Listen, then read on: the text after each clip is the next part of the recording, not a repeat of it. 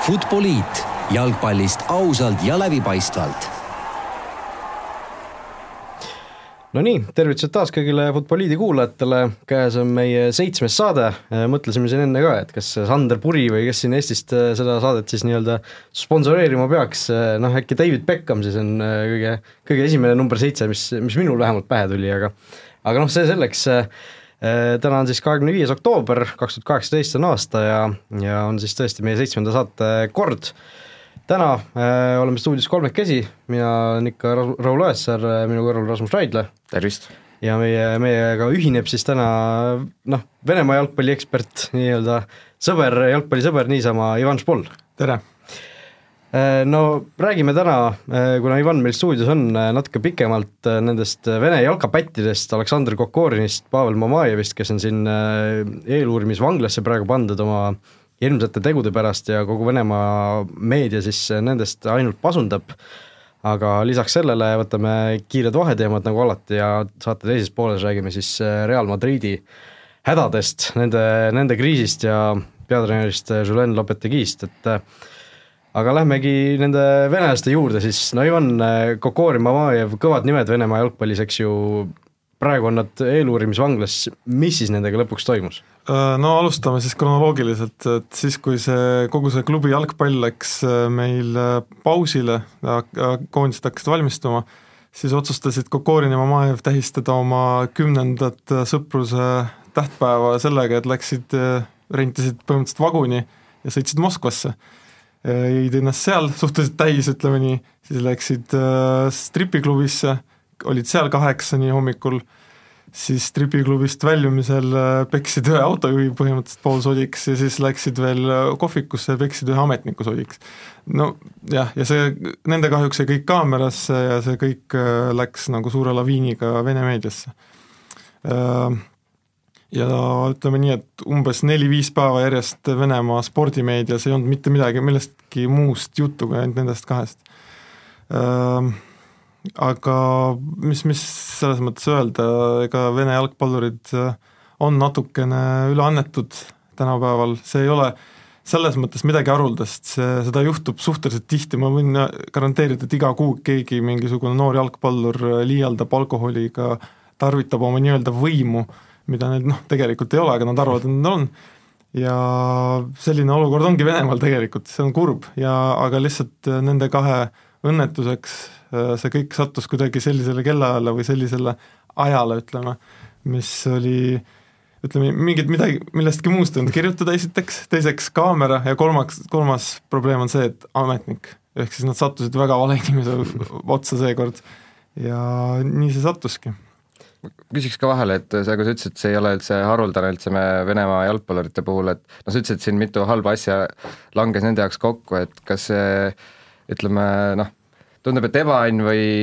justkui võib-olla kõrvaltvaatajale jääb mulje, et Venemaal tihti on nii, et sellised mängijad võib-olla maksavad kuhugi ja ütleme, lükatakse asi kivi alla ja mängitakse edasi jalgpalli kusjuures nii ongi, äh,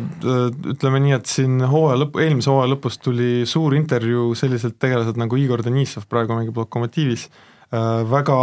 skandaalne tegelane, ütleme nii, on ka sattunud väga paljudesse olukordadesse ja ta avaldas ka seal nii palju lugusid, kui ta veel seniidis nende Aršavinite nendega mängis kuidas klubi mätsis neil väga paljusid asju kinni, kuidas ta ütleme, keset maanteed peatus ja peksis mingit inimese läbi lihtsalt. ja see on selline olukord, see, millest see kõik tekib, on juba järgmine küsimus kahjuks või õnneks, et Venemaal lihtsalt ringleb nii suur raha ja need Venemaa staarmängijad selle asemel, et liikuda välismaale, otsida seal õnne, nagu näiteks praegu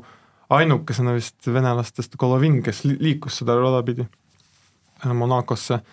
ja noh, Tšerišov on ka seal äh, Valencias, eks ole, aga ta oli, ta oli nagu lapsest saadik Hispaanias. Et selle asemel nad naudivad seda suurt raha, nad ei liigu kuhugi ja, ja no mingil hetkel hakkab võim pähe lihtsalt, no kujutage ette, ma siin kirjutasin enda jaoks välja ka, äh, Kokorin, vana ta on, ta on umbes no kakskümmend kuus, ütleme, noh, ma võin eksida praegu, ja tüüp elab äh, Äh, Moskva kesklinnas korteris, mis on sada viiskümmend ruutu, vaatega Venemaa parlamendi poole, tal on garaažis mingisugust neli autot, äh, Rolls-Royce Phantom, ma kirjutasin lihtsalt välja selle, igaüks võib vaadata, palju see maksab, eks ole, ja äh, tüüp pildistab ennast mingisugust Louis Vuittoni äh, rulaga, eks ole, ja poseerib mingisugustes lühikestes pükstes, mis maksavad tuhat, tuhat eurot, eks ole,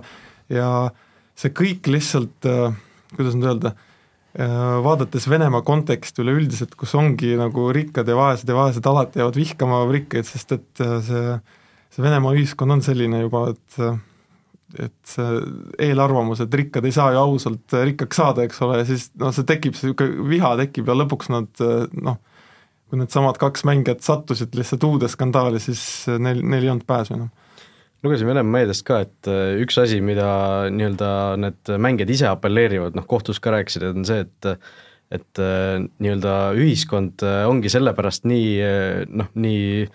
suurde vahtusele kõik puhunud, et kõik nagu kadestavad neid ja siis, kui neil nüüd ühtäkki hakkab nagu halvasti minema või midagi valesti teevad, siis kõik kohe täie rauaga tahavad tampida. no kõigepealt tuleb ära märkida, et tegelikult muidugi meedia on selle täie, täielikult üle puhu, üle puhunud, see ei ole selles mõttes, et seal räägitakse mingitest viiest aastast vanglast, no ilmselgelt noh, selles mõttes jah, see on väga halb, kui sa kedagi no, läbi peksad, muidugi see on natuke üle paisutatud, eks ole, jah, on video pealt näha, et Kokorin võtab tooli ja lihtsalt lööb inimest, jah, selle eest võib karistust saada, aga kogu see äh, ülepuhumine toimubki selle, sellepärast, et need kaks tegelast on juba nii, nagu nad, nad on veidi häbematud, nad noh, on olemas jalgpallureid, kes ei loobi seda raha niimoodi, kes jäävad varju võib-olla, eks ole, natuke aitavad võib-olla ühiskonda ja eks noh, neile antakse andeks. näiteks needsamad, äh, võib-olla teate, vennad Berezutski, Ignaševitšid, hästi tagasihoidlikud mehed olid, äh, kunagi ei loopinud, ei, ma ei tea, ei võtnud vanne mingisugustes dollarites, eks ole, ei, ma ei tea, ei peksnud inimesi lõppude lõpuks, et äh, selles mõttes noh, et neid, selliseid mängijaid austatakse Venemaal ja keegi ei hakka neile midagi halvasti ütlema. aga need tüübid, noh, kõigepealt äh, tasub ju veidi ajalugu ka vaadata, aastal kaks tuhat kuusteist, kui Venemaa põrus täielikult eurol, need tüübid tegid äh, Monacos väikse äh, peo nime ja noh, see tuli ilm päevavalgele, pidu, mis maksis umbes kolmsada tuhat eurot üks õhtu. Nad lihtsalt tähistasid jälle mingisugust asja, mis jälle Venemaa ühiskond oli üle, üles keeratud, siis olid nad, siis nad, mingi skandaal oli veel, kus nad vist äh, Äh, mõnitasid ühiskonda homo teemal, üritasid äh, mingeid musisid üksteisele jagada, nagu jagasid pilte, kus nad a la suudlevad üksteist või midagi sellist. see oli vist kuskil mingi puhkus oli kuskil jah, Floridas midagi jah, sellist. midagi sellist, no see, et kuidas jalg, vene jalgpallurid üldse puhkavad, sellest me ei hakka rääkima, keegi, keegi ei ole seal vanema juures noh, talus või kuskil, eks ole, kõik on ikkagi soojamaadel ja korralikult puhkamas ma toon vahelduseks äh, sinna välja ka need numbrid, mida siis need mehed väidetavalt reaalselt teenivad, et seoses selle skandaaliga on need numbrid siis välja kaevatud, et Kokorin siis väidetavalt teenib kakssada viiskümmend kaks miljonit rubla ehk kolm koma kolm, kolmkümmend viis miljonit eurot ja Mamajev siis sada kaheksakümmend miljonit rubla ehk kaks koma neli miljonit eurot, et noh, arvestades ka, et Venemaa elu on võib-olla odavam kui ma ei tea, Hispaanias, Itaalias või Inglismaal, siis päris palju ilmselt jääb seda vaba raha jah, et nagu sa ütlesid, et on siis see peamine põhjus, et justkui me nägime Venemaa koondis MM-il ei olnud paha tasemega, aga tundub tõesti, et see tekitabki seda mugavustsooni, et miks minna võidelda kuskil välismaalasena koha eest, kui sa oled kuskil nagu au sees täiesti. aga mõelge, kolm koma kolm miljonit eurot, eks ole, ja Kokorin oma karjääri jooksul löönud ametlikes mängudes viiskümmend kaheksa väravat. ta on mänginud juba no ütleme, kaheksa-üheksa hooaega professionaalset jalgpalli ründes, ta on ründaja ja ta on löönud viiskümmend kaheksa väravat. et äh, mille eest nagu sellele mehele makstakse, eks ole, me, ma võin Euroopas välja tuua, ma arvan, sadu ründajaid, kes vääriksid seda palka oluliselt rohkem kui tema, et see noh, see ongi, see ongi probleem, sest et Venemaal on seesamune limiit, kus sul peab väljakul olema liigamängus siis äh, vähemalt viis Vene mängijat ja sellised klubid nagu Spartak, CSKA, Zeniit, nad on kõik ambitsioonikad, nad tahavad Euroopas läbi lüüa, aga sul peab ikkagi see kvaliteetsete venelaste, noh, mingisuguse kvaliteediga venelaste hulk väljakul olema ja siis nad maksavadki neid, noh, ostavad üksteiselt üle nii-öelda. ja kohe, kui kuskil klubis on mingil poisil tüli, siis ostakse see järgmisesse klubisse, nii nad ringlevadki, see Igor Denissov on käinud kõik Venemaa klubid põhimõtteliselt läbi. et ja kusjuures huvitav on, noh, no ma nagu ma ütlesin, et see ei ole üldse Vene jalgpallurite seas ebatavaline ja isegi äh, selleks ei pea mingi eriti staar olema või pähe löönud üks mingisugune Grilja Sovetov või mingi mängija. Kaks päeva pärast seda intsidenti jäi roolis mingisuguse marihuaana doosiga vahele väga, noh, ta oli, ta oli hea, et ta elus oli selles mõttes ja oli ka täiesti ebaadekvaatne, et need tüübid on täiesti peast, peast, ütleme nii, et katus sõidab peast ära neil. ma ei oskagi öelda, see raha lihtsalt hävitab Vene jalgpalli hetkel aga mis on Venemaa meedia sinu arvamus sellest, et noh, vist kaheksateist detsember siis äh, tehakse neil otsus, et noh, vaadates neid videosid, kaklus on, aga mitte midagi nii hullu, et mille eest ilmselt äh, nii-öelda vangi võtta, et võib-olla on üllatav üldse, et nad nii kaua vahi all on, aga üldse, et äh, näed sa neil Venemaa jalgpallis, üldse jalgpallis edasi tulevikku, et ma ei tea, siin hiljuti Inglismaa jalgpallis samamoodi Hugo Lloris jäi purjus peaga roolis vahele ja paar päeva hiljem seisis meistrite liigas väravas umbes, on ju, et et eh, noh, niisuguseid asju toob ka mujalt riikidest saab välja tuua ja siis on nagu justkui andestatud, et eh, mis eh, mul on jäänud mulje, et nendel vähemalt hetke koduklubis ei ole nagu tulevikku. No siin nüüd ütleme nii, et pärast seda kahte nädalat on natuke, ütleme nii, et seniit on küll vaibunud natuke ja juba saadeti isegi mingisuguseid toetusavaldusi, ma usun, et Kokorin võetakse tagasi. kindlasti need, ma olen üsna kindel, et need vangi saadeti, sest see oligi selline, see oli niisugune šokk äh, eel, eel, selle eel eeluurimisvangla. jah, eeluurimisvangla vangistus neile, et nad noh, niisugune viimane hoiatus, sest et Venemaal äh, noh, Venemaa on Venemaa, Venemaal kõik asjad, kõik suured asjad on poliitilised lõpuks. et äh, see asi kindlasti jõudis kuhugi Putinini välja ja seal tehti mingi kriisikoosolek, mis me teeme, ega seal mingit selles mõttes mingist õiglast kohtuotsust ju ei tulnud, et seal tehti nii, nagu mis mingisugusele Idina Rossijale on kasulik ja ju siis oli nii kasulik, et näidata ühiskonnale, näed, et me suudame ka pätte vaata noh, korrale kutsuda.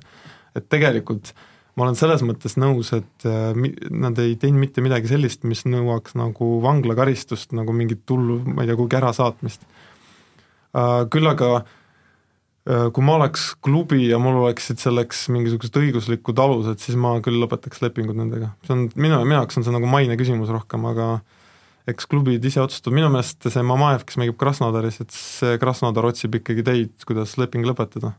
pluss aga... nüüd on vormi küsimus, kui nad seal paar kuud lihtsalt ah, no õnneks Venemaal saab ju, saavad ju mängud täpselt seal detsembris läbi mm. ka, nii et siis hakkabki puhkus jälle. Nad saavad ilusti puu-, Mehhikosse ära sõita puhkusele, on ju, ja siis äh, valmistuvad äh, hooaja teiseks pooleks. Mm. No enne seda Caniculum Mexicat on, äh, on nad ikkagi seal eeluurimisvanglas, Butõrka vanglas, nagu ma saan aru, samas kohas, kus kunagi on Konstantin Päts olnud Äh, poliitvangina kuni kaheksanda detsembrini nad on seal äh, nii-öelda selles isolaatoris, siis äh, ei saa jalgpalli mängida, lugesin, saavad tasulises jõusaalis käia kaks umbes kuni nädalas. kaks korda nädalas, täpselt, et et mis on ka umbes mingist tavalisest kongist ümber ehitatud, kuskil on mingi pingpongilaud ja kusjuures Zeniit maksab ka koorine palka edasi, Krasnodar ei maksa et vaatasin ka, et nagu sa ütlesid, Zeniit on hakanud leebuma, et Sergei Fursenko on vist Zeniidi president, eks ju? Jah et äh, kümnendal oktoobril tema ütles, et Kokorin on prosta urod ja üheksa päeva hiljem väitis siis, et tegu on ühe riigi parima jalgpalluriga, kelle käitumist on ise valmis valga, valvama ja see Niidi peatreener ka seal ikkagi lubas, et ise, ise hoiab silma peal temal. aga see on tegelikult päris hea näide ju sellest, kui,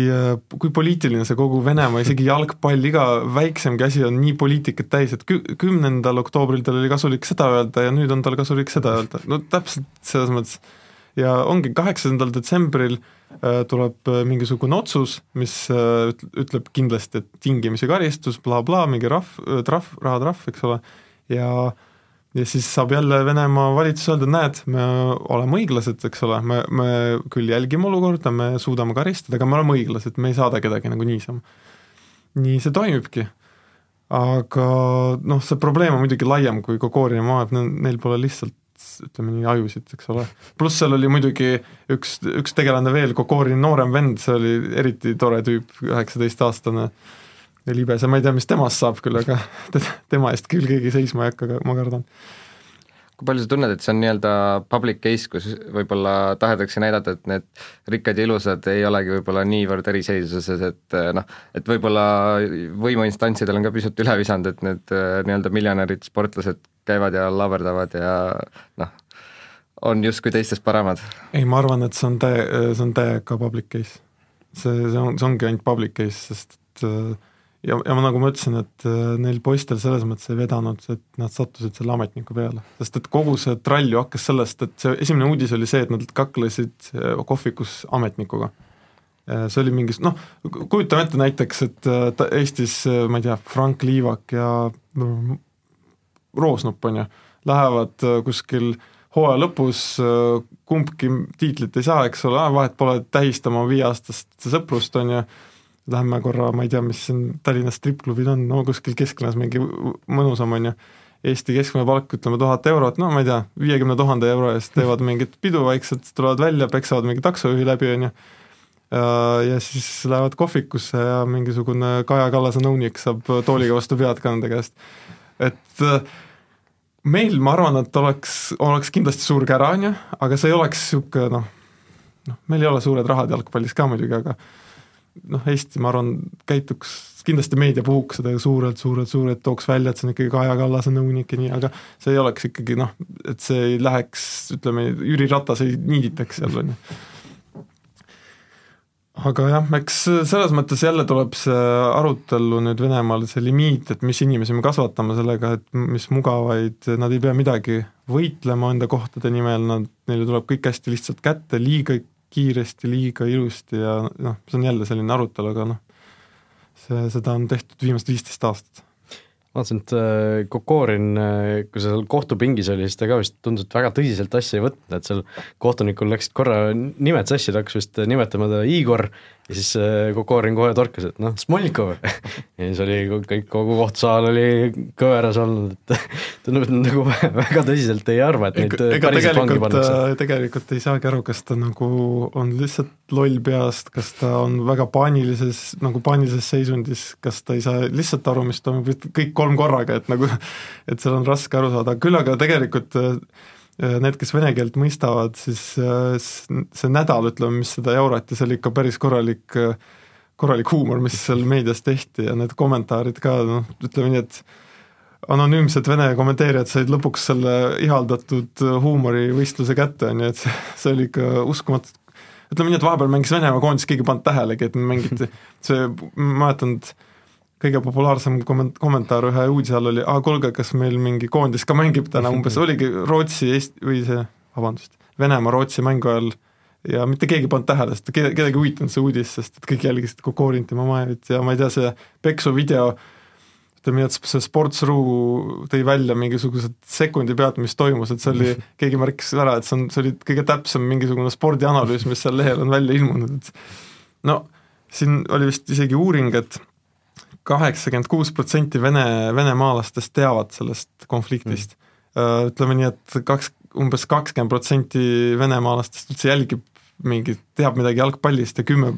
kuni viis, viis kuni kümme teab noh, jälgib jalgpalli, et selles mõttes oli väga suur, see noh, nagu ma ütlen, see oli public trial. ja ärme unusta siis, et tegu oli huvitava sündmusega, et tähistas sõpruse kümnendat aastapäeva. kõlab täpselt nagu niisugune joodikute vabandus, et miks minna kuskile jooma, et jah, ja mulle meeldis ka, et vahepeal kõik need, kes nende meeste kaitseks välja tulid, need esimesed vabandused olid muidugi nii naeruväärsed, et nad olid lihtsalt liiga naljakad, aga ma mäletan, et nad püüdsid seda, seda noh, välja vabandada sellega, et see oli mängujärgne väsimus, nad olid mõned õlled teinud ja üks asi viis teisele, et nagu mismoodi see peaks leevendama seda karistust, ma ei tea. jah Lähme kiirete vaheteemade juurde, esimene siis äh, saime käimasoleval nädalal esimese nii-öelda kuulaja kõne ja nädala täpsustus siis Angelo Palmeri Ruumari Calcio eestvedaja ja mängija tahtis siis mõnda asja, mida me siin eelmine nädal arutasime, täpsustada, et äh, kõigepealt ta siis jah, et mis teda häiris, oli see just trahvi võrdlus, et tema kui madalama liiga mängija siis nelisada viiskümmend ja millest me ise ka võib-olla pisut olime siin üllatunud, et Zaha Vaiko, kes siin äh, Rahvusringhäälingu eetris ütles äh, noh, mitte nii kangelt, aga ka nii-öelda kritiseeris kohta, keda siis kakssada eurot, teine oli see võib-olla, et äh, ta justkui, Angelo vabandas, et tahab tekitada jalgpallikultuuri, et suuremates riikides, Itaalias ja niimoodi võtaksegi esmaspäevad on need, kus võetakse kohtunik otseselt luubi alla, et meil on justkui kohtunike ringkaitse ja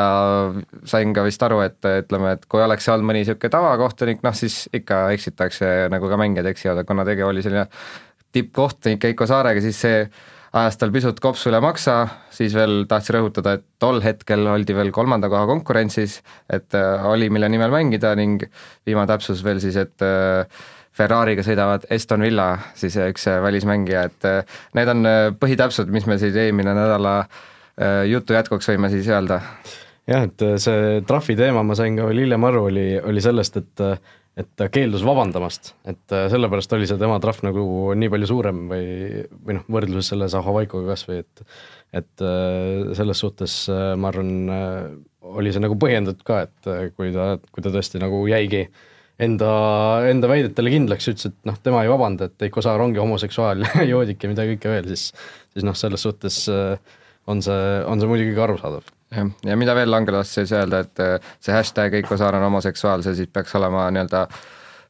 edasiarendus ühest äh, fännilaulust. aga ma arvan, nüüd on täpsustatud ja liigume teise nädala teema juurde, siis võib öelda siis nädala miljoni paine Nõmme Kalju, et siin äh, Madis Kalvet, meie hea kolleeg, kirjutas Päevalehes, et Kalju siis eelmise nädala lõpul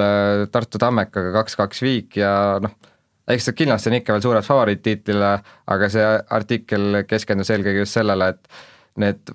rahalised äh, vahed äh, esi- ja teise ja kolmanda koha vahel on veelgi suuremad, oli juba käimasolev, ütleme, oli eelmine hooaeg ja on ka praegune hooaeg, et siis Eesti meister võib praktiliselt arvestada miljoni euroga. ja mis on äh, Kalju puhul eriti oluline, et noh, siin eelmine hooaja lõpp, mäletame kõik, et FCI ja sisuliselt kadus pildilt ja FCI Levadia tekkis sellest ja noh, on ka nagu vihjatud, et Nõmme Kalju olid sarnased mõtted, et ja artikkel keskenduski sellele, et noh, klubis justkui väga soovitakse seda tiitlit, noh, see on arusaadav, aga ka klubi tuleviku mõttes on see väga oluline, et vist mängijate kolmkümmend protsenti aasta nii-öelda palgast võivad need tiitliboonused olla, pluss siis noh, see, et ei saa üldse välistada, et kui peaks nüüd krahh toimuma, siis võib-olla järg, jälle kolmkümmend kuus voor ja tiitli asemel räägitakse hoopis sellest, et äh, üks klubi võib äh, uksed kinni panna, noh, ma ise usun, et asi nii karmiks ei lähe, isegi kui peaks äh, kõige hullem juhtuma, aga mis sellest arvate üldse? No see,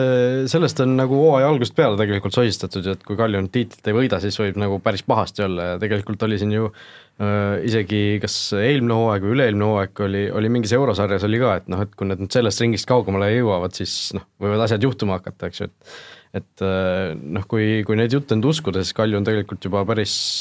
tükk aega noh, kõndinud seal päris õhukesel jääl niimoodi rahalises mõttes, et et ma arvan, et see ei ole üldse nagu välistatud, et, et noh, ütleme tõesti, jäävad, jäävad teiseks siin, saavad mingid ootamatud kaotused, ma ei tea, Transilt ja Paidelt ja kellelt veel, et et siis, et siis hakkavad noh, kas lähe-, minnakse Tartu Ülikooli korvpallimeeskonna teed, et hakatakse ainult noortega mängima või või mis see, mis seal saab, et see, seda oleks noh, ei oleks huvitav jälgida, noh, huvitav oleks, aga, aga kindlasti keegi, keegi ei tahaks seda, et meil taas üks nii-öelda täiesti tippklubi ära kaoks, et see oleks ikka Eesti jalgpallile väga, väga tõsine põnts. jah, kõige kurvem just minu arust ongi see, et äh, nagu sa ütlesid, justkui jääb mulje, et päris tihti on õhukese peal, õhukese jää peal kõnnitud, et äh, noh, see ei saa kuidagi mängijatele kasuks tulla, kui sa tead, noh, iseasi, kui palju neile räägitakse seda, kas nad nii-öelda noh, kui fakt see on, aga ikkagi, et noh, see hooaeg ju teame, et erinevalt eelnevatest aastatest Kalju Euroopas ei pääsenud, eks seal jäi ka raha tulemata, et noh, et äh, ei tundu kõige mugavam olukord, kus sa pead võitlema justkui klubi tuleviku eest. ma ei noh, selles mõttes ma tahaks seda ainult öelda, et muidugi äh, Eestis äh, kui meil tippklubid ära kaovad, see on noh, kahtlemata noh, tippklubid, Eesti tippklubid siis, eks ole, see on kahtlemata halb, aga nagu iga aasta minu arust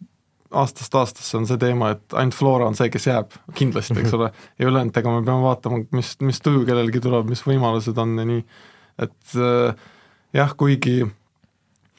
kuigi ma ise olen päris kriitiline Eesti jalgpalli suhtes, mulle noh, mul on selles mõttes ei ole sümpaatiat äh, mingi klubi vastu Eestis äh,, aga siiski tundub, et Flora on vähemalt noh, niisugune pikemaajalisem plaan, kuidas ellu jääda. Äh, see on üks faktor ja äh, noh, teine faktor on see, et äh, tegelikult meil okei okay,, see on nüüd teine teema, aga meil ei ole, meil võiks tulla üks korralik tippklubi ka väljaspool Tallinnat, kas või Tartust, ma tean, et see kõlab jälle utoopiliselt, nii nagu me alati räägime, sest võiks ja võiks, aga tegelikult Tartu, minu, minu jaoks on Tartul hästi suur potentsiaal ja ma ei saa aru, miks sealt ei ole just korralikku noh, miks JK Tammeka ei võiks kogu aeg vähemalt sealt top neli, top kolm olla. ma saan aru, et ma saan aru, mis on vastus, pole raha, aga vot mida, midagi jääb puudu, ma arvan, et see üldse see kuidagi kui me juba kunstlikult Jalgpalliliidu abil midagi tekitame Eesti jalgpallis, siis me võiks kuidagi kunstlikult tekitada tippklubi väljaspool Tallinnat. No Tammeka vist sinnapoole liigub ka. vist kaks tuhat kakskümmend neil see suund on, pluss nüüd noh, kui nüüd Tanel Teini ja kompanii plaan ei õnnestu, siis noh, tegelikult mingil määral on natuke Tartu spordis vaba raha, et noh, päris palju on sinna Tartu kossu pumbatud, et justkui on sponsoritel vaba raha ja noh, siin Tanel Tein noh, nii-öelda ettevõtja näeb küll, et annab küll sporti raha tuua, et noh, Tammeka on öelnud, et kaks tuhat kakskümmend tahavad täisprofessionaalsed olla, põhimõtteliselt üks hooaeg neil veel, et noh, siin tulevad ka natuke jalgpalliliidu kompensatsioonid appi, et noh, jah, ma arvan, et neil on suurem potentsiaal tõusta top kolme või vähemalt nii-öelda iga hooaeg olla kolmas-neljas ja jääda sinna püsima kui Narva Transil isegi võib-olla. et mulle tundub, et Narva Trans sõltub väga palju sellest, kui täppi nad panevad nende Venemaa madalama liiga mängijatega või noh, ütleme või siis aastakäigust siis. et just niisugune juhuslikum on see, et ma ütleks, et Tartul on ju noh, võiks olla päris tugev tiim, kui nad suudaks, noh, kui nad oleksid professionaalne tiim ja nad suudaks tartlasi Tartus hoida, aga mängijatest saab aru, et kui nad saavad noh, kellest, kust iganes peallinnast pakkumised lähevad sinna mm.. no praegu on ta-, Tammeka ühesõnaga päris hästi mm -hmm. samm-sammult edasi läinud, et et tegelikult no kas nad just kaks tuhat kakskümmend seal noh, no, see, see kas nad küsimus. just isegi täisprofessionaalid on kaks tuhat kakskümmend, aga no ma, kui neil on mingisugune plaan, siis see on hea, selles mõttes, et äh, see on välja öeldud, ma ei, me ei tea, kui palju see õnnestub, aga noh, loodame ja no lõpetuseks Nõmme Kalju teemal, ma lihtsalt sii-, ütleme, minu enda arvamus, et küll Nõmme Kalju jääb, isegi kui nad tiitlit ei võida. Okei okay,, aga lähme järgmise vaheteema juurde, viimase vaheteema juurde ja noh, mis siis võiks olla, nädala selline nädala tore hein. uudis. nädala hein. nädala hein, et äh, Karl-Jakob Hein, kuueteistaastane Eesti väravvaht siis, kes äh, nüüd äh, selle suve alguses või kevade lõpus siirdus siis Londoni Arsenali ilmusid siis fotod välja, kus tõesti päriselt ka teeb tiimi esindusmeeskonnaga trenni, üritab seal Mesut Özili lööke tõrjuda ja ja, ja mida kõike veel, et tegi seal U kaheksateist meeskonna eest ka mängu ja ja, ja ühesõnaga tundub, et tema karjäär liigub nagu päris, päris heas suunas praegu. jah, kindlasti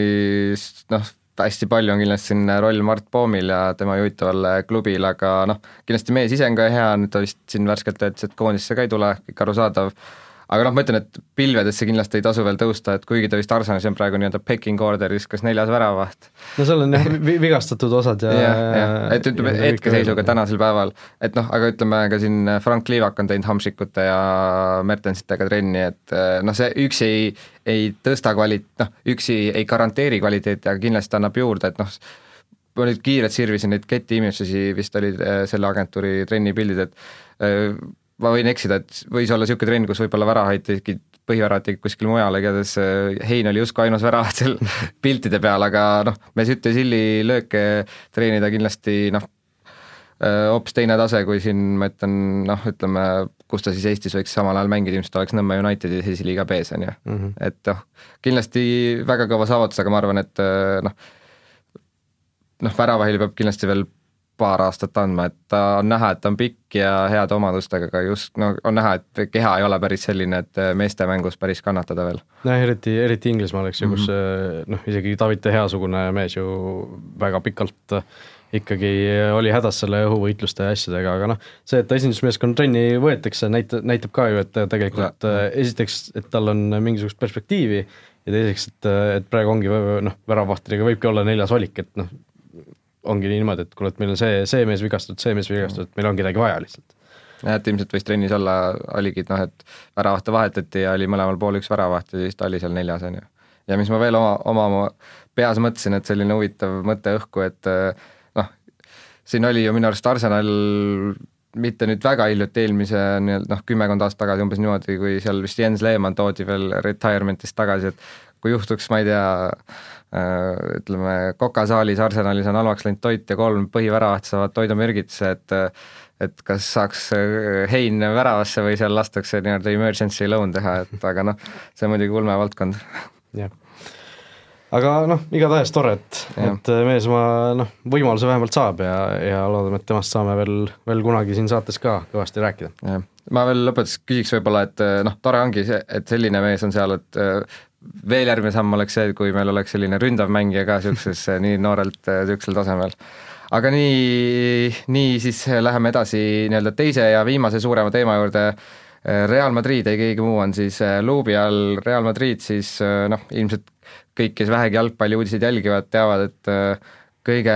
toredamad ajad seal klubis ei ole, et hooaeg hakkas siin siis Lilleküla staadionil, kaotati lisaajal kaks-neli Atletico Madridile, hooaja alguses liigas päris pikalt, kuni septembri lõpuni ainult üks viik ja kõik paistis toimivat, aga siis on justkui mängumasin äh, peatunud, et Sevillale null kolm, siis sealt tuli veel kolm mängu, kus ei löödud ühtegi väravat, äh, seal sees siis CSKA Moskva, Deportivo Alaves ja nüüd kaotati ka Levantele, kuigi seal üks värav löödi ja siis äh, teisipäeval võideti kaks-üks Victoria Põlseni, noh, võit, aga mitte nüüd üliveenev, et mis te arvate, mis selle, mis selle asja põhjus on ja kui palju on veel sellel Lopetegiil siis äh, armuaega seal klubi eesotsas? no sahistatakse, et äh, Lopetegiil on armuaega täpselt nii palju, et siin nädalavahetusel tuleb veel klassiko ja kui seal, sealt ka mingisugune selline äh, kehv tulemus tuleb, siis tuuakse noh, siin räägitud Antonio Contest äh,, noh, tuuakse keegi teine asemel lihtsalt, et vaevalt, et siin Fernando Hierrot äh, võetakse nagu Hispaania koondisega läks, aga aga noh, eks see Lopetegi on esimene inimene, kelle poole vaadatakse sel-, ilmselgelt, et et okei okay,, Cristiano Ronaldo läks ära ja, ja mida kõike veel, aga noh, see ma arvan, et äh, kui seal Zidane oleks jätkanud, siis, äh, siis äh, sellisest kriisist me ei räägiks, aga noh, see on, on minu arvamus siin, siin Tallinnast, eks ju. ma arvan, et Real Madridi puhul on see suhteliselt lihtne, kõigepealt läksid kaks võtmeisikut ära treener ja noh, üks parimaid mängijaid, Ronaldo, eks ole, noh, üks maailma parimaid mängijaid, kahtlemata ta oli tiimi üks parimaid mängijaid, ja teiseks äh, mäng muutus oluliselt ümaramaks, oluliselt, ja kaht-, noh, need mehed oskavad palli sööta, veeretada ja nii, aga seda plaani ei ole enam, kuidas väravat lüüa, nad ei ole piisavalt, ütleme nii, konkreetsed, ei ole piisavalt vertikaalsed, ainu-, nagu eelmises liigamängus ma vaatasin, et ainuke mees, kes suutis, kes oligi tegelikult löögile löögile suunatud, oli Bale, kui ta tuli välja. esimene poolaeg polnud ju, esimene poolaeg polnud mitte midagi. ja nii on raske lüüa väravaid lihtsalt. isegi see CSKA vastu mäng, mis ma vaatasin, CSKA lõi ühe värava ära ja tõmbus kaitsesse ja Realil ei olnud plaani, kuidas seda lahendada, et kõik, minu meelest äh, selle eest vastab treener, täitsa midagi ei saa öelda. aga nii-öelda noh, me siin kaks nädalat tagasi rääkisime Manchester Unitedist ja siis oli noh, rääkisime sellest, et kindlasti on oma süü treeneril, aga kindlasti on oma süü ka nii-öelda juhtkonnal, et äh, siin ka justkui räägitakse, et kas on nüüd see juhtkond ka kõige paremaid otsuseid teinud, et Lopetegiil justkui olid omad soovid, ma ei tea, näiteks Hasard ja neid ideid toodud, teisest küljest äh, on ka Lopetegi ei tulnud kõige paremas olukorras, okei okay,, ta tuli, esiteks ta tuli suure skandaaliga, Hispaania nii-öelda ei saanud isegi teda MM-il juhendada, teisest küljest noh, mehe CV on selline, et ta on juhendanud Hispaania noortekoondiseid, siis natuke Portot ja siis Hispaania koondist, et klubi tasemel ta ei ole nüüd väga ennast tõestanud. ja noh, mängijad ju ka loevad uudiseid, nad teadsid, et Lopetegi oli võib-olla noh, ma ei tea, viies valik, on ju, ja ma olen siin natuke lugenud ka arvamusi peale viimaseid mänge, et kas või see Victoria Põlseni mäng, et noh, oli teada, et äh, nii-öelda Aamer on pea kohal, et aga mängijad justkui noh, ei paista seda välja, et mängime nüüd treeneri nimel, et tal justkui ei ole seda, et äh, noh, peame tagasi sinna, et ongi mingid miljonärid superstaarid, kes teavad, et kui läheb kehvasti, siis läheb esimene treener, on ju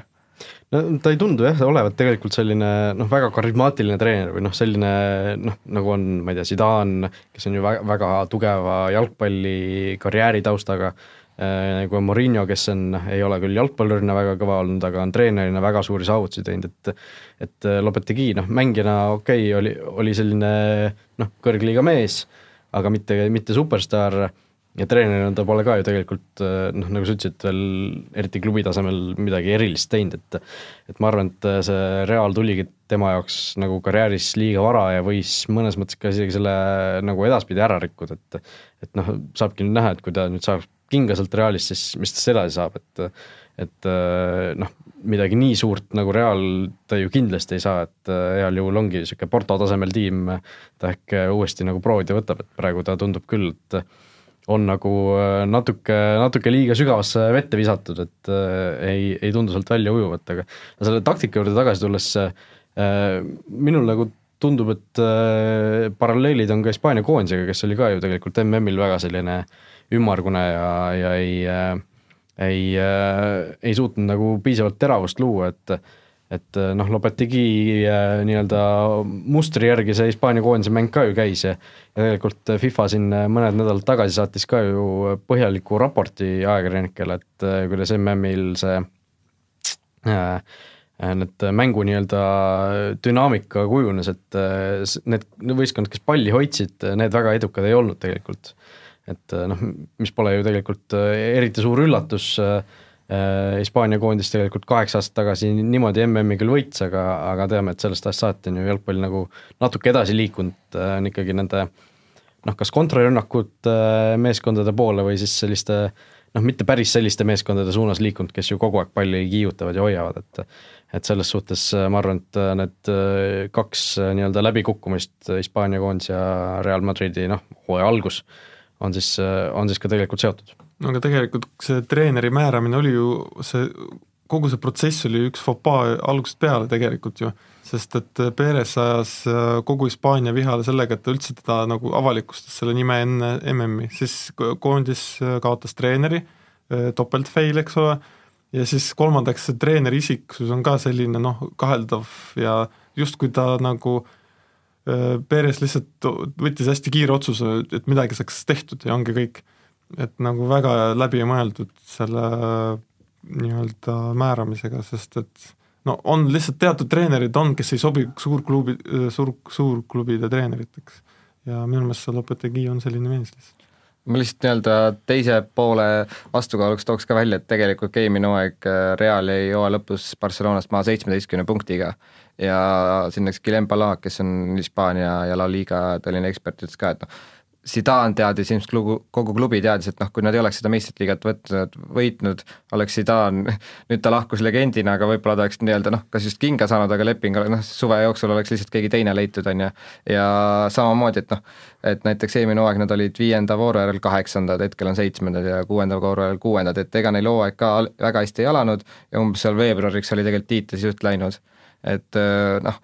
et teisest küljest võib-olla oleks huvitav nüüd näha, et noh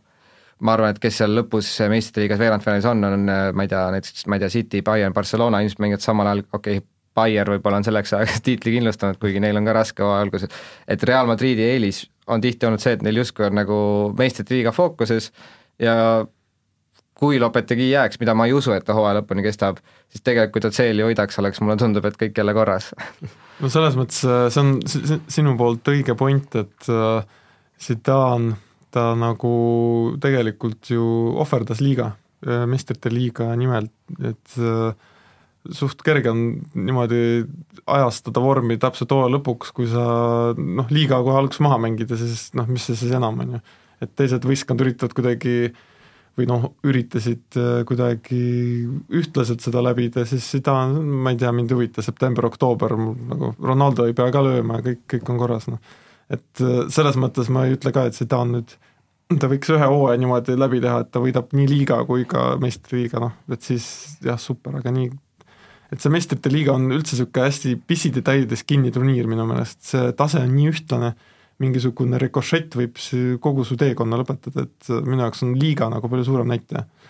ikkagi. Jah, mis ma veel välja tooksin, noh, oli see teisipäevane meistrite liiga mäng ja siin on räägitud, et Lopetegi ise ka tõi välja, et vaatasin seda Põlseni mängu, noh, võideti ja tegelikult oldigi paremad, nad oleks võinud vabalt selle mänguga neli-null võita, et eh, noh, teisest küljest nad oleks võinud ka üle ühe värava lasta, et mäng oli niisugune lahtine, aga noh, Lopetegi tõi välja, et nad on viimase nelja mänguga löönud kaksteist korda posti või latti, et tippjalgpall tihti ongi selline, et noh, eh, mul on tunne, et ka La Liga väiksemad kuidagi äh, ma, nii palju, kui ma neid mänge jälgin, tundub, et on suht sarnase iseloomuga, et kiired kontrad, seal on ütleme, Reali äärekaitsed niivõrd kõrgele tõusnud ja need karistatakse väga tihti ära, et meeskonnad oskavad nende vastu mingil määral mängida ja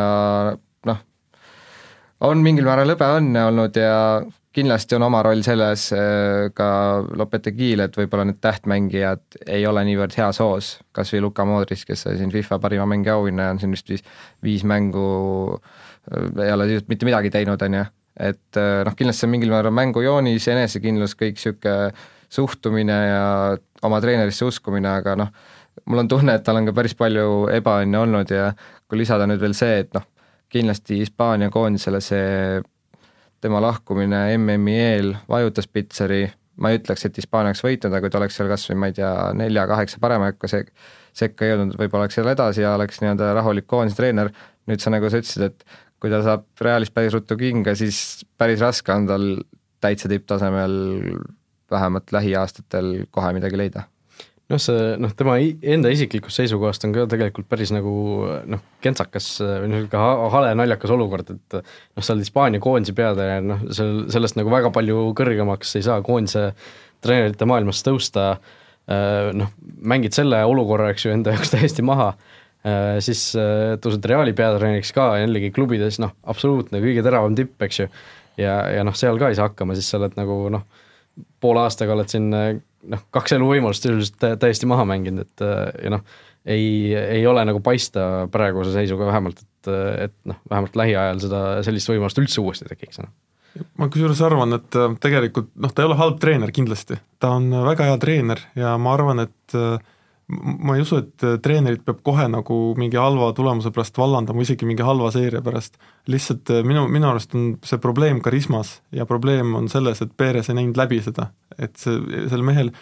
tal, tal on kindlasti mingi respekt, aga ta ei ole selline, sest see niisugune tippklubi treener, see on nagu omaette kunst minu jaoks. et äh, mingisugused Del Bosque, kui te mäletate, noh kindlasti mäletate äh,, vot see oli nagu äh,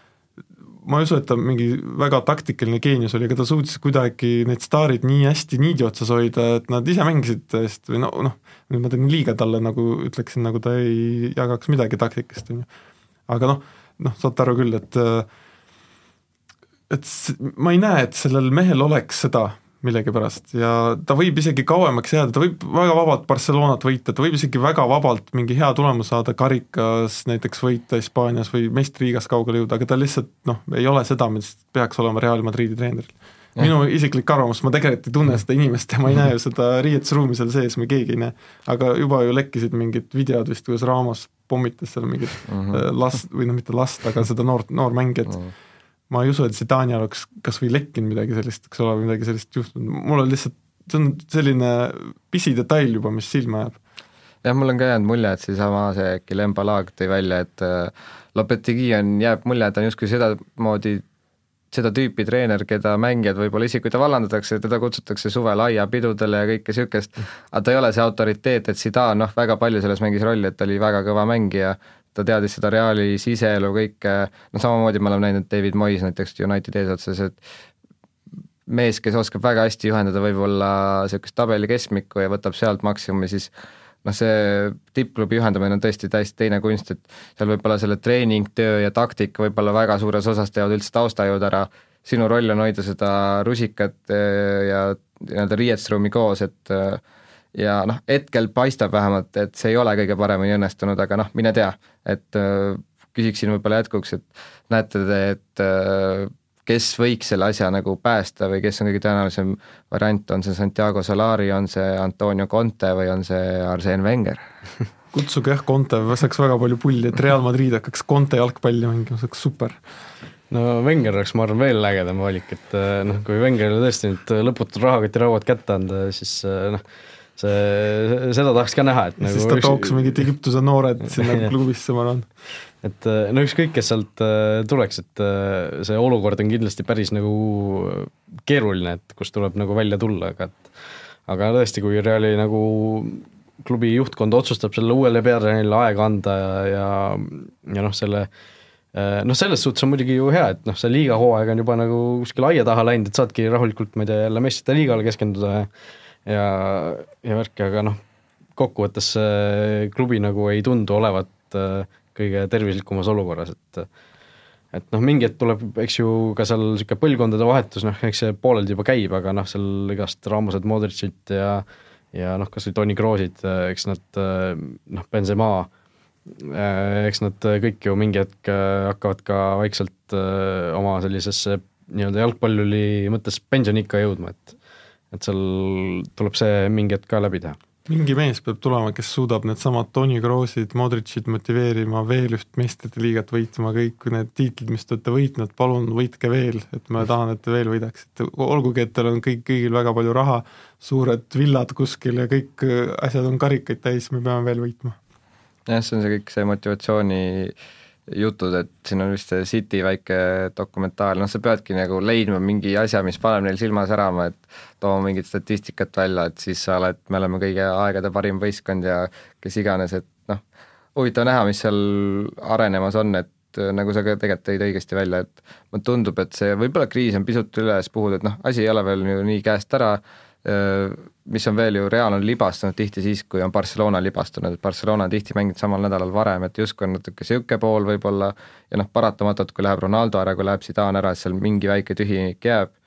ja lihtsalt äh, Lopetegi, ma ei ütle, et ta on ideaalne mees õiges kohas, aga tal on väga palju halbu asju kokku langenud, nagu Kokorinil ja Mamajevil. et äh, võib-olla teema lõpetuseks teie poolt ennustus, et äh, kaua Lopetegi näiteks äh, ametis püsib ja kus võiks äh, meis-, meistrite liigas ja La Ligas Real lõpetada, et ma ise pakuks, et noh, La Ligas nad ikkagi top kolme lõpuks ilusti välja jõuavad. no niisugune teine-kolmas koht, umbes nagu eelmine aasta pigistasid ennast kolmandaks, eks ju, lõpuks, et see on nagu täiesti reaalne, et aga ma arvan, et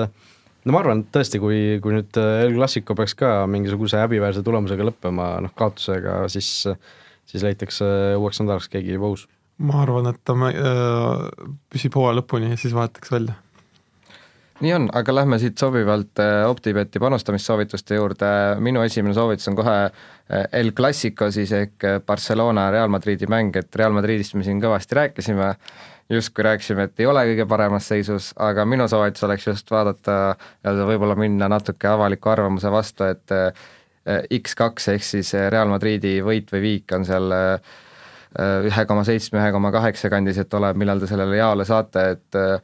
sellised mängud mulle tundub, et isegi kui Barcelona seis on natuke parem, neil näiteks ei ole ka Messit, siis noh, siin oli Inglismaa liigas ka hiljuti selline mäng, kus Chelsea ja Manchester United mängisid ja seal oli Chelsea võidukahv üks koma seitse, Manu üle viie, selge, et noh, inimesed, aa, Manu on jura ja kõik see ja noh, justkui panna, ülehinnatakse mingil määral Chelsea't, aga mul on tunne, et sellised suured mängud, see on, ei loe, mis on kas või eelmine päev oli toimunud, see on kaks suurt meeskonda ja noh, mulle tundub, et see tõenäosus on isegi pisut suurem, et tuleb viik või Reali võit, kui et Barcelona võidab jah, selles suhtes küll, et äh, ma arvan, et äh, seda väärtust tasuks just selle Reali pealt äh, otsida. minu meelest El Clasicute puhul on alati see, et tasub panustada sellele, kellel on suurem koefitsient, minu meelest mitte kunagi ei võida see, kes on nii-öelda favoriit selles mängus, kui vaadata mingi viie, viimase viie aasta jooksul, siis on üksikud korrad need, kus on just favoriit võitnud, et ki-, mina ise võtaks ka pigem Reali kui Barcelona, pluss, olgem ausad, tegelikult Messi on vigane see on, see on nii suur asi minu arust Barcelona jaoks, jah, nad võitsid eile Interit, eks ole, ja olid noh, kohati päris veenvad, aga Messi on ikka väga tähtis lüli, ma ei, ma tahan seda näha, kuidas nad ilma Messita mängivad Reali vastu. jah, ma ütleks ka, et selle Interi vastu kohati rünnak sujus, aga mingil määral noh, oleks võinud saanud Inter vabalt mingi hetk üks-üks ju äh, lüüa ja noh, ei olnud võib-olla sellist täpset äh, rünnakuliidrit, et kahtlemata see mingi äh, nii-öelda hoobi neile annab ja ütleme, kui Real on saanud nüüd Ronaldot mängimist harjutada päris pikalt, siis Messi on just nagu värske vigastus ja et jah, nii-öelda soovitame minna, ujuda vastuvoolu ja proovida Real Madridi, olenemata, mida me siin enne Real Madridist rääkisime jah, no mina, minu esimene soovitus on ka natuke vastuvoolu ujumise teemal, et Inglismaa liigas Fulham ja Bournemouth mängivad nädalavahetusel ja ja Fulham on siis äh, olnud selline meeskond, kes on Premier League'is kõige rohkem väravaid sisse lasknud sel hooajal, kakskümmend viis tükki üheksa mänguga. Ja räägitakse päris palju nendest äh, nii-öelda nende kaitseprobleemidest, aga aga nagu ma aru saan, siis äh, mängijad ja, ja klubi juhtkond on endiselt peatreener Slavisha Jokanovitši selja taga, olemata, hoolimata sellest, et Fulham on siis kas kaheksateistkümnendale kohale vist langenud juba Premier League'is, aga noh, kodus võetakse Bournemouth vastu, Bournemouth on väga hästi hooaega alustanud aga see on ka võib-olla natukene niisugune võlts, et noh, praegu on viiendal kohal küll, aga aga ma arvan, et ega nad äh, pikalt sinna nii kõrgele ei jää, et et äh, panuseks ongi siis äh, Fulhami siis clean sheet kodus, ehk siis nulli peale jäämine, neli koma kolmkümmend kuus on koefitsient, et kodumängu kohta ma arvan, Premier League'is päris niisugune hea väärtus. Jah, miks mitte, et sa mm., sina, Ivan, kui panustamisekspert ka, et mis sa arvad sellest? mul on Premier League on natuke nõrk, ütleme nii, see Achilleuse kand, on ju. ei, ma arvan kindlasti jah, sest äh, kuigi mulle meeldib äh, äh, ühes, ühe, ütleme nii, et ühe konkurendi juures on väike ennustusmäng Premier League'is, ma mida, mitte midagi ei tea sellest, aga ma panen alati sellised tiimid nagu mingid Fulham, Bournemouth mängivad omas, ma alati panen alati viiki, ma ei tea, miks. niisugune null-null on ka. null, null, üks, üks, mulle tundub see, need lõpevad alati niimoodi, et aga ei, ma noh, kui selles mõttes äh, äh, motivatsiooni on, siis ma usun, et Fulham on võimeline, see jällegi see Inglismaal tähtsustatakse väga tihti üle, kui mingi klubi stardib paremini, kui oleks oodatud, siis ta on kohe nagu väga tugev, et see, selle nagu as-, ütleme, seda fakti väärtustatakse liiga palju üle kohati. jah, et äh, mulle ka tundub, et need top viis liigad, et noh, kui seal on nii-öelda regulaarset kasumit teenida päris raske, et siis ainus taktika, mis võib olla see, et mine nagu vastupidiselt sellele, mis tundub loogiline või kuhu nagu nii-öelda turg suunatud on. aga Inglismaale me jääme ja minu teine soovitus oleks siis äh, Crystal Palace Arsenali mäng siis pühapäeval viisteist kolmkümmend Arsenali hea vorm siin, äh, teen näiteks Flashcore'i lahti vist on siin kümme mängu ainult rohelised rohelised tulukesed põlevad, sa siin eelmine nädal soovitasid nende võitu Lesteri vastu, siis ma ütlesin, et alati need seeriad on natuke sellist libe jää, et noh, tõenäoliselt teooria ütleb, et see üks varem-hiljem lõpeb, aga aga minu soovitus on see, et see ei lõpe veel, et Crystal Palace äh, kodus äh, mängib siis nendega, neil on siin ka mitte kõige parem hetkeseis, viimased kolm mängu kaotatud, null-kaks Evertonile, null-üks Wolvesiga, kaks, üks-kaks Bournemouthiga, et äh, ei paista selline asi ülihästi toimivat, neil ka kõvasti eemalejääjaid Arsenalil küll täna Euroopa liiga mäng, aga ma arvan, et seal nii-öelda need põhilised niiditõmbajad puhkavad ja noh, vaadates ka esmaspäevast Arsenali Lesteri mängu, siis see oli päris lustlik äh, vaatamine, et äh, et äh, noh, ja koefitsient siis üks koma kaheksakümmend viis, et mulle tundub, et võiks, võiks justkui ära tulla küll. Arsenali võit üks koma kaheksakümmend viis. no see on pühapäeval, jah? See on, on tõesti päris -hmm. tegelikult hea koef selle, selle järgi, aga noh, ma arvan, arvan, et nüüd noh, kümme võitu on järjest võetud, et küll nad nüüd mingisuguse viigi otsa koperdavad. no muidugi, Arsenal näitas tegelikult ikka oivalist jalgpalli pärast seda, ütleme teisel poolel, seal nagu lust oli vaadata, ma ma arvan, et nüüd Arsenali fännide südamed jälle sulavad vaikselt, et see on see, sellist jalgpalli, sellisesse jalgpalli nad ilmselt armusid umbes millal kaksteist, kolmteist aastat tagasi, nüüd, nüüd nad on seda oodanud. aga no kõik ei kesta igavesti ka muidugi, et äh, kunagi võib ka see mingi ära, ärakukkumine või punkti kaotus ka tulla, muidu ma ei tea, noh, et Arsenal ei saa võitma jääda lõpp, lõpp, lõpmatuseni just nii, aga läheme siis viimase ennustus- või panustamissoovitusega Itaaliasse äh, ja pühapäeval siis Rannar Klavani koduklubi Cagliari mängib Kievoga. Äh, noh, Klavanit äh, endiselt platsil oodata ei ole, aga aga Kievo vastu Cagliari kodus kindlasti suureks favoriidiks on. Kievol siin finants selliste noh, sahmerdamiste tõttu anti äh, hooaja alguses ka kolm miinuspunkti ja nad on siis endiselt miinus ühe punkti peal, äh, pärast üheksat vooru on ainult kaks viiepunkti saanud, seitse kaotust ja ja viimased mängud kõik järjest kaotanud, et et äh, ja, ja mõned isegi suurelt, et ma arvan, et äh, Kaljari võit on siin päris kindlasti kaartide peal, et koefitsient Optibetis on siis üks koma kuuskümmend kolm Kaljari võidu peale, et ma arvan, et et seal ei, ei tasugi väga kaugemale vaadata nendest äh, üks X kaks kohvidest, et äh, Kaljari võit seal peaks olema päris, äh, päris tõenäoline tulemus. mis mulle veel tundub huvitav, on see, et kaks meeskonda on siis üheksa mängu pidanud, ehk siis kaheksateist mängu peale on kaks tiimi löönud mõlemad siis seitse väravat, kokku neliteist väravat ja Kaljaril vähemalt öö, ütleme, viimased kaheksa mängu on alla kahe koma viie värava, et mul on ka neid Klavani mänge vaadates jäänud mulje, et äh, kaitses kõva, et võib-olla kõlab Itaalia jalgpalli kohta natuke klišee, aga võib-olla natuke sinna vaadata, et noh, kaks sellist äh, tabeli keskmikku kõva sudimine ja no Kievo ei ole tabeli keskmik, ta Kievo on tabeli põhi, tabeli põhi, jah. Kievol on vist miinuspunktid siiamaani. miinus üks, jah. et äh, jah, ma arvan, teine suund, mis on võib-olla huvitav, on ka nii-öelda väravate vaest mängu oodata. just aga jah, panustamissoovitusele siis joon alla ja vaikselt lõpusõnade juurde, et äh, nagu ikka, saab meid kuulata igas äh, nii-öelda podcast'i rakendus iTunesis, SoundCloudis, likeige meid Facebookis, jälgige meid Delfis äh,, peaks olema selline oivane leht ka nagu task.delfi.ee-ga valminud, kus saab meid kuulata, kirjutada saab meile siis futboliit.ekspressmeedia.ee ja siis ka raul.ojassaar.delfi.ee ja rasmus.raidla.delfi.ee ja ka Facebookis tahad sa veel midagi lisada jah, no mina tahan lisada, et äh, tänan Ivani, kes meile täna saatesse tuli ja, ja huvitavat juttu kindlasti äh, nii Venemaa jalgpalli kui siis muude teemade kohta rääkis, et et kindlasti vaatame, kui mõni Venemaa, Venemaa skandaal jälle üles paisutub, siis kindlasti esimene inimene oled, kellele helistada, on ju. kindlasti, aitäh, et kutsusite ja teinekordki, hea meelega. jah, ja sellega saatele siis otsa otsa peale teeme nii-öelda. ja, ja aitäh kuulamast ja oleme tagasi juba järgmisel nädalal. Futboliit jalgpallist ausalt ja läbipaistvalt